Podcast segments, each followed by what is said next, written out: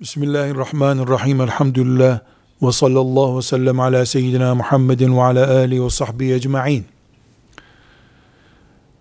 Namaz mahalle camisinde ayakta kılınır. Camiye gidemeyen evinde kılar, dükkanında, iş yerinde kılar.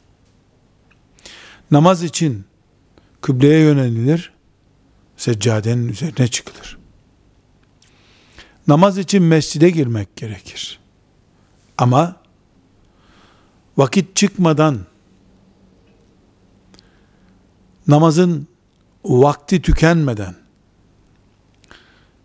uçağın içinden çıkmak mümkün değilse namaz kaçırmaktansa uçakta oturduğu koltukta sadece eğilip ruku eğilip secde yaparak ettehiyyatı okuyup kıraatini yaparak namaz kılabilir Müslüman.